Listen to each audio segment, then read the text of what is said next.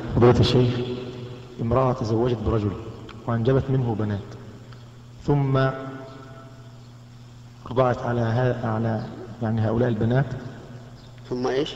ثم أرضعت على هؤلاء البنات ولد. فأصبح أخاهم في الرضاعة.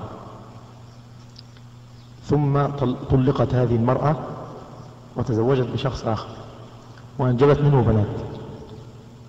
فهل يكون هذا الولد أخا لتلك البنات التي أنجبتهم من الرجل الآخر؟ نعم. السؤال معلوم. يقول امرأة لها بنات وأرضعت طفلا ثم تزوجت بعد زوجها زوجا آخر وأنجبت منه بنات فهل البنات من الزوج الثاني يكن أخوات للطفل الذي رضع منها وهي في حبال الزوج الأول؟ هذا هو السؤال والجواب نعم.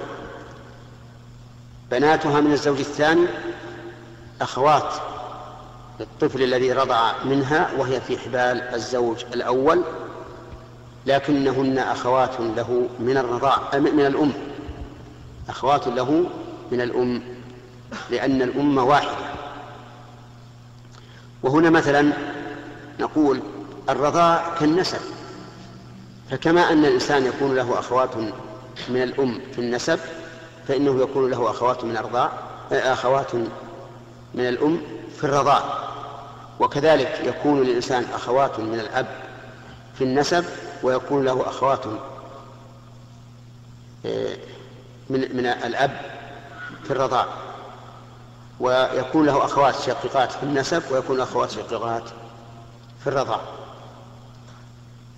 أفهمتم الآن؟ طيب.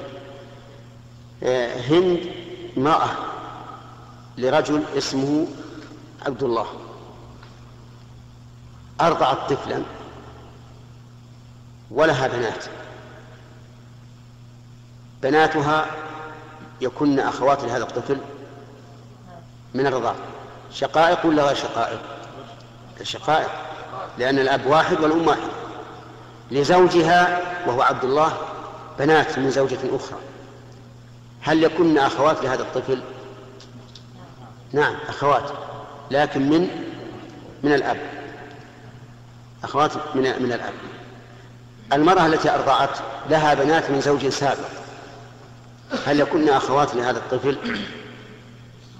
نعم لكن أخوات من الأم. نعم